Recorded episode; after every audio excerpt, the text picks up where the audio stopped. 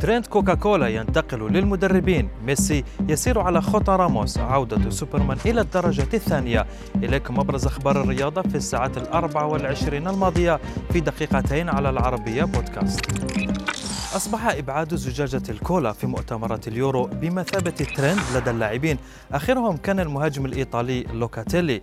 لكن مدرب منتخب روسيا نقل هذا الترند لمستوى أعلى بعد توجيه سؤال له حول رأيه فيما فعله رونالدو مع الكولا.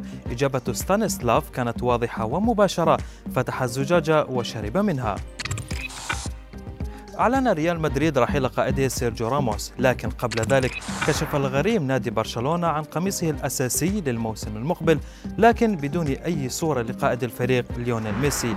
وهو ما حدث مع راموس لدى الإعلان عن قميص ريال مدريد الجديد لتزداد التكهنات حول رحيل ميسي خاصة وأن عقده ينتهي بعد أقل من أسبوعين. من قال أن سوبرمان قد يظهر في الدرجة الثانية الإيطالية. نادي بارما قدم نجمه الجديد جان لويجي بوفون بلباس الشخصية الخيالية الخارقة وتحت عنوان الفيلم الأمريكي الشهير عودة سوبرمان في إشارة لعودة بوفون الذي بدأ مسيرته الاحترافية مع نادي بارما عام 95 وغادر بعدها نحو يوفنتوس عام 2001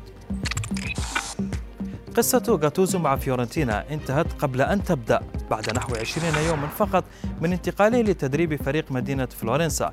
سبب الانفصال بحسب تقارير إعلامية يعود لمشكلة بين إدارة النادي ووكيل غاتوزو جورجي مينديز ولكونه وكيل لاعبين أيضا.